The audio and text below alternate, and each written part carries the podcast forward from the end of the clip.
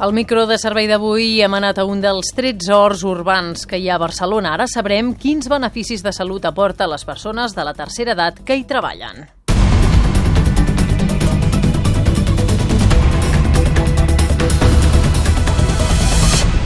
Allà hi ha la unitat mòbil amb Santi Soler i Cesc Armengol. Bon dia. Hola, bon dia, efectivament. Us ho dèiem a la primera connexió. Parlem ara amb el doctor Miralles, que és cap del Servei de Geriatria del Centre Fòrum de l'Hospital del Mar. Doctor Miralles, l'activitat física, com ara treballant al camp en un nord urbà, és, mm, és bona a totes edats, però té beneficis molt importants entre la població de la tercera edat, oi? Sí, sens dubte. L'activitat física eh, ajuda a que les pèrdues que a vegades s'associen a, a l'envelliment doncs, siguin menys importants i puguin d'alguna manera pues, eh, mantenir més activitat. Eh? D'acord. Uh, en concret, avui estem parlant dels horts urbans, uh, que és una activitat, una escapatòria de moltes persones de la tercera edat de la ciutat de Barcelona. Uh, quan es van crear es va dir que ajudaven molt a la salut física i emocional i mental dels avis i que fins i tot visitaven menys al metge de capçalera, als CAPs. Uh, està estudiat quins beneficis té fer una activitat física per la gent gran? Bueno, els beneficis d'activitat física en general sí. El que sembla ser que la presència d'horts urbans doncs, afavoreix o promou que les persones tinguin hàbits de vida més actives, no? i també afavoreix i promou doncs, les relacions socials i que aquestes persones tinguin més interrelació amb els veïns i etc. No? I per últim, el que sí que sembla que està estudiat amb el tema dels horts urbans i la, és que millora la percepció de benestar o la percepció subjectiva de qualitat de vida, eh, en aquest sentit. Eh. eh hem de pensar que l'envelliment és un procés natural del qual doncs, tots hem, hem de patir-lo eh, i hem de tenir-lo. Eh. sí, evidentment.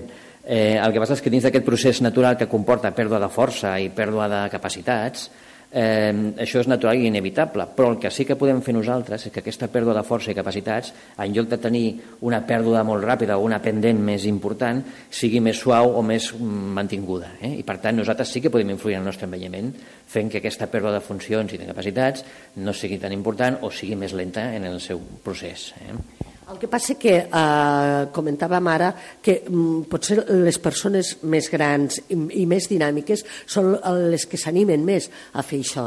Eh, una persona doncs, potser més passiva en, i més en aquestes alçades de la vida eh, potser no li atrau tant la idea. Com ho podríem fer perquè li atragués la idea? Això està demostrat, no?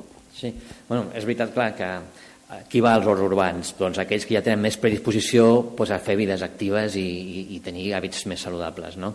I per tant, els beneficis se'ls emporten precisament aquests. La gràcia seria poder fer que les persones més sedentàries o amb actituds menys saludables o menys pessimistes pel que fos, doncs també poguessin anar-hi, no? Home, eh, és molt difícil perquè individualment cadascú és com és i cadascú decideix el que fa amb la seva vida, no? Però bueno, sí que seria bo que les mateixes persones actives que són les que hi van doncs poguessin d'alguna manera motivar o incloure o fer participar aquestes persones menys actives i potser un, un veí o un company o un mateix que, que et pugui ajudar a fer això, doncs potser doncs, t'animaries a tirar endavant també. Eh?